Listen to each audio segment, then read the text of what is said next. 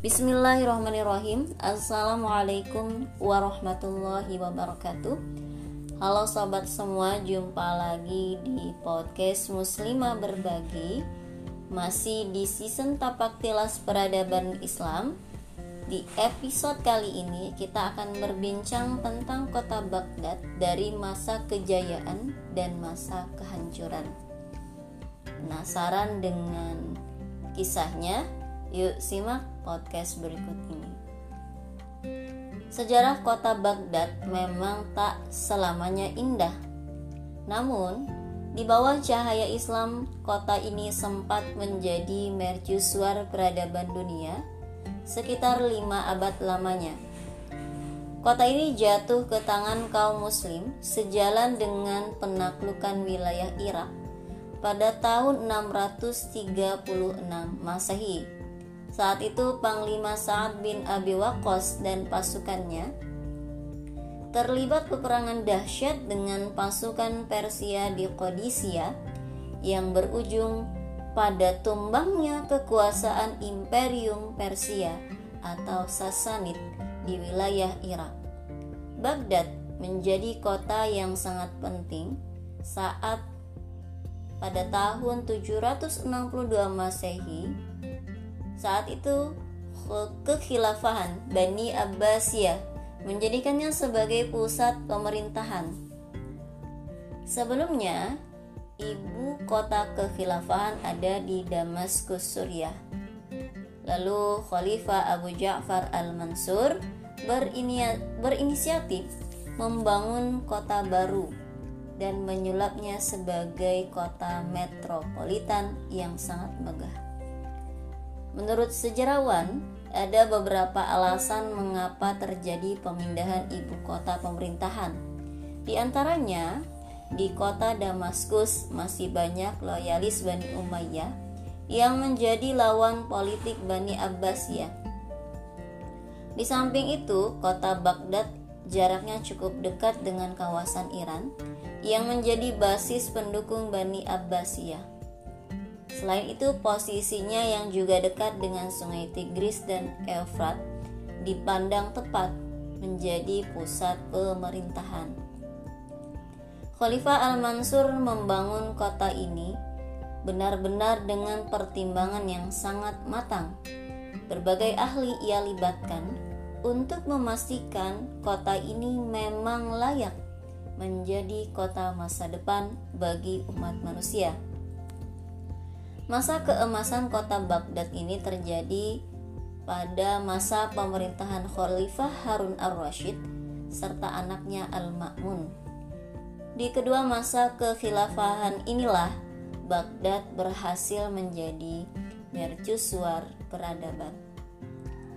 Dalam bukunya History of Arab, Philip H. Hitti menceritakan secara khusus tentang zaman keemasan Baghdad di halaman 375 terjemahan, ia menyebutkan, meski usianya kurang dari setengah abad, Baghdad muncul sebagai pusat dunia dengan tingkat kemakmuran dan peran internasional yang luar biasa. Ia juga menyebut Baghdad saat itu menjadi saingan satu-satunya bagi Imperium Bizantium Bahkan kota yang ikonik karena berbentuk lingkaran ini dikenal sebagai kota yang tiada bandingnya di seluruh dunia. Posisinya yang sangat strategis di lembah Euphrat dan Tigris membuat Baghdad menjadi pusat perdagangan internasional. Pelabuhan yang ada di sana menjadi pusat bongkar muat barang-barang yang datang dari Cina, India, Kepulauan Melayu, Turki, Arab, Asia Tengah bahkan Eropa. Di saat yang sama menjadi pusat pengiriman barang-barang dari Mesir, Suriah, Semenanjung Arab dan Persia ke seluruh dunia seperti ke timur jauh, Eropa dan Afrika.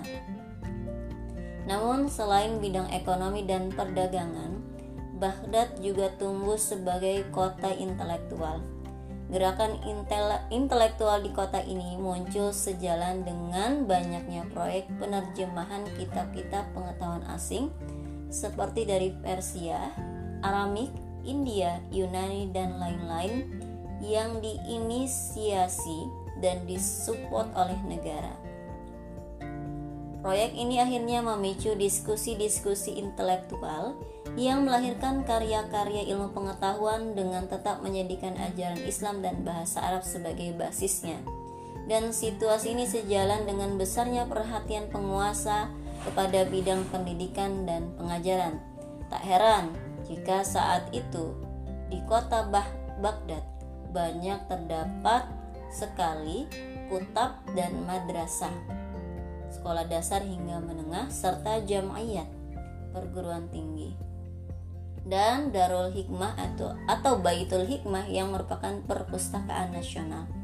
Semua fasilitas dan kebutuhan operasionalnya pun betul-betul full disokong oleh negara, termasuk insentif sangat besar bagi para ulama dan pelajarnya. Tak heran jika berbagai bidang ilmu tumbuh dengan pesat baik di bidang agama dan ilmu kalam atau filsafat, ilmu pengetahuan alam, matematika, astronomi, sejarah, geografi, hingga ilmu-ilmu terapan. Masjid-masjid besar yang dibangun pun tak, men tak hanya menjadi pusat peribadatan, namun justru menumbuhkan majelis-majelis muhadarah dengan tokoh-tokoh yang sangat terkenal dan jumlahnya sangat banyak. Maka kita kenal di bidang filsafat ada nama Abu Ishaq Al-Kindi, Abu Nasr Al-Farabi, Ibnu Bajah, Ibnu Tufail dan Al-Ghazali. Di bidang kedokteran ada Abu Zakaria Yuhana bin Maswai, Sabur bin Sahal, dan Abu Zakaria Ar-Razi. Sementara di bidang matematika ada Al-Khwarizmi, penemu angka nol dan dikenal sebagai Bapak Aljabar. Juga ratusan tokoh lain di bidang ilmu farmasi, kimia, astronomi, tafsir, hadis, kalam, ilmu kebahasaan, dan lain-lain. Tentu saja semua hal yang terjadi di kota Baghdad termasuk era puncak kekuasaan ilmu pengetahuan berpengaruh luas di wilayah-wilayah Islam yang lainnya hingga umat Islam sebagai sebuah entitas dan negara pun mampu tampil sebagai umat dan negara terbaik di tengah situasi masyarakat Eropa yang masih berkubang dalam kegelapan. Bahkan di era keemasan Baghdad, umat Islam benar-benar mencapai puncak kesejahteraan yang demikian gemilang dan mencengangkan. Hal itu merupakan salah satu dampak logis dari kebangkitan pemikiran, politik, ekonomi, perdagangan, dan ilmu pengetahuan. Dalam buku yang sama, Hitti juga menggambarkan tingginya level kemakmuran di era Baghdad ini tampak dari dibangunnya sejumlah istana-istana megah milik para pembesar serta dari pembangunan berbagai fasilitas umum yang serba megah yang dilakukan besar-besaran di sekitar kota. Dr. Yusuf Al-Isi dalam bukunya Dinasti Abbasiyah yang diterbitkan oleh Pustaka Al-Kausar tahun 2007 versi terjemah juga memaparkan hal yang senada. Kemajuan material yang tampak di kota Baghdad demikian, demikian luar biasa hingga ia sendiri menyebut kota Baghdad sebagai ibu kota kemegahan. Untuk fasilitas kesehatan saja dibangun fasilitas rumah sakit dengan ketersediaan ahli medis yang memadai dan digaji minimal 10.000 dirham per bulan Fasilitas ini tentu saja didukung dengan teknik-teknik dan alat operasi yang modern di masanya, apotik dengan ahli farmasinya, serta berbagai lembaga-lembaga riset dan yang lainnya. Pemandian umum dan tempat rekreasi di kota Baghdad juga menjadi hal yang sangat lumrah. Bahkan konon jumlah pemandian umum saja sampai lebih dari 10.000 buah. Masing-masing diurus oleh lima orang pegawai. Berikut fasilitas masjid yang dibangun di tiap komplek pemandian. Terkait kekayaan material yang dicapai kota Baghdad, Dr. Yusuf menulis di halaman 276 buku Dinasti Abbas ya terjemah. Sedemikian, kita mendapatkan berbagai cerita tentang kekayaan, harta, perhiasan, kemegahan, kemuliaan yang tidak ada batasnya dan akan mengagetkan kita. Hal ini sesuai dengan apa yang ditulis oleh Hitti saat ia menggambarkan dengan rinci tentang kemewahan yang mewarnai kota Baghdad, yakni tentang penggunaan emas dan perak dalam bangunan-bangunan istana pembesar, juga dalam berbagai peralatan makan. Ia pun menceritakan tentang munculnya tren penggunaan batu perhiasan yang mahal dalam pakaian hingga sepatu-sepatu kaum perempuan. Hal itu setidaknya menunjukkan betapa kemakmuran material telah dicapai sedemikian oleh kekuasaan Islam, khususnya di kota Baghdad. Namun sayang seribu sayang, kemakmuran material yang tampak mencengangkan dan seperti dongengan ini tak didukung oleh upaya simultan penguatan pondasi akidah dan keterikatan hukum syara yang kukuh dalam kehidupan.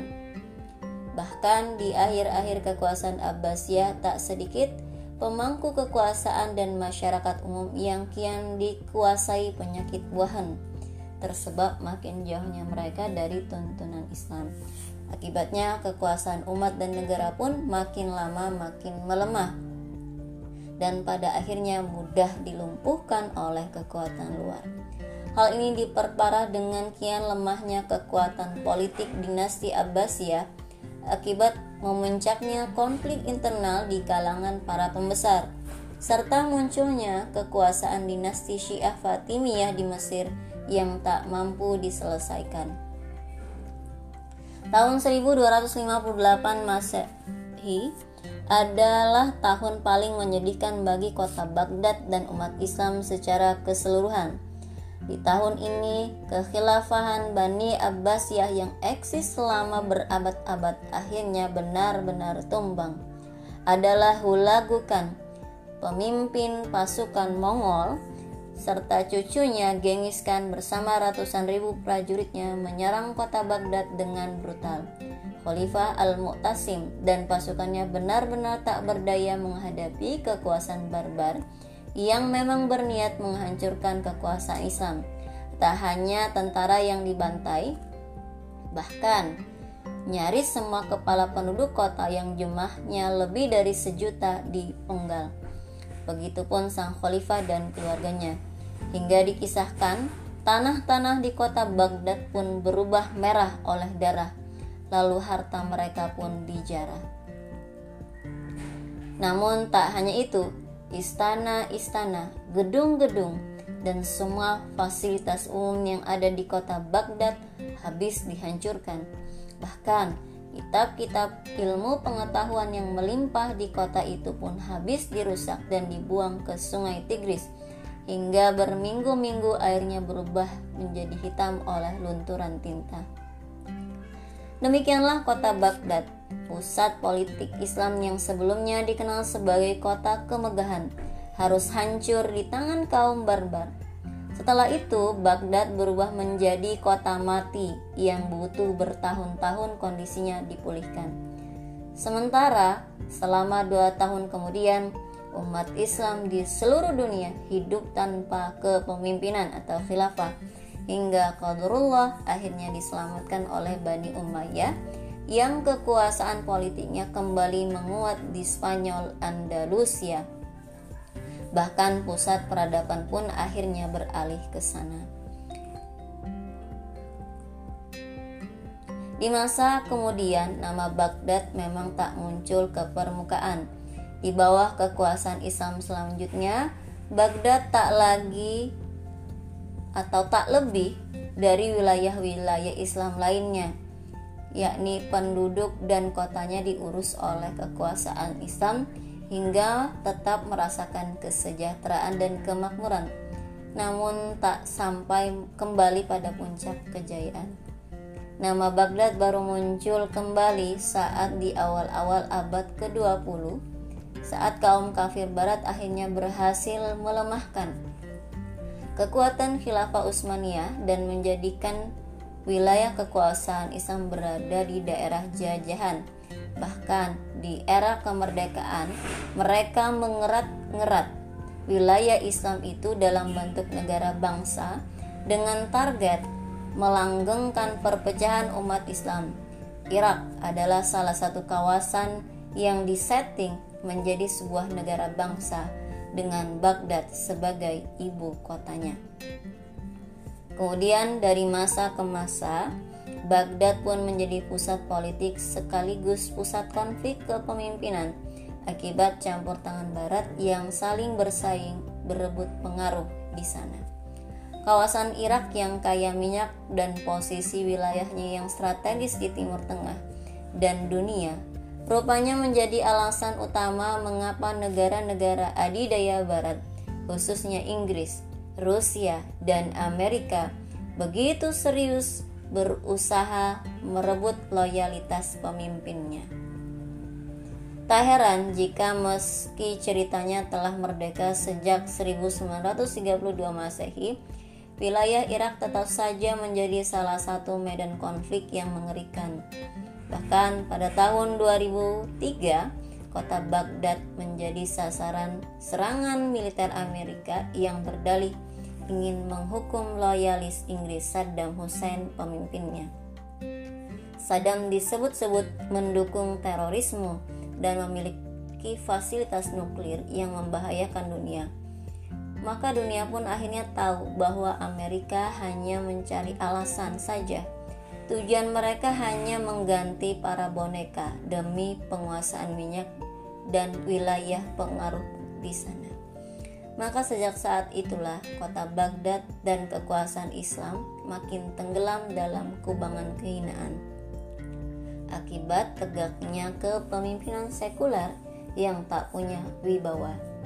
Kota ini benar-benar menunggu datangnya kekuasaan Islam yang akan mengembalikan kemuliaannya sebagaimana Islam kawasan Islam lainnya di seluruh dunia. Wallahu alam bishawab.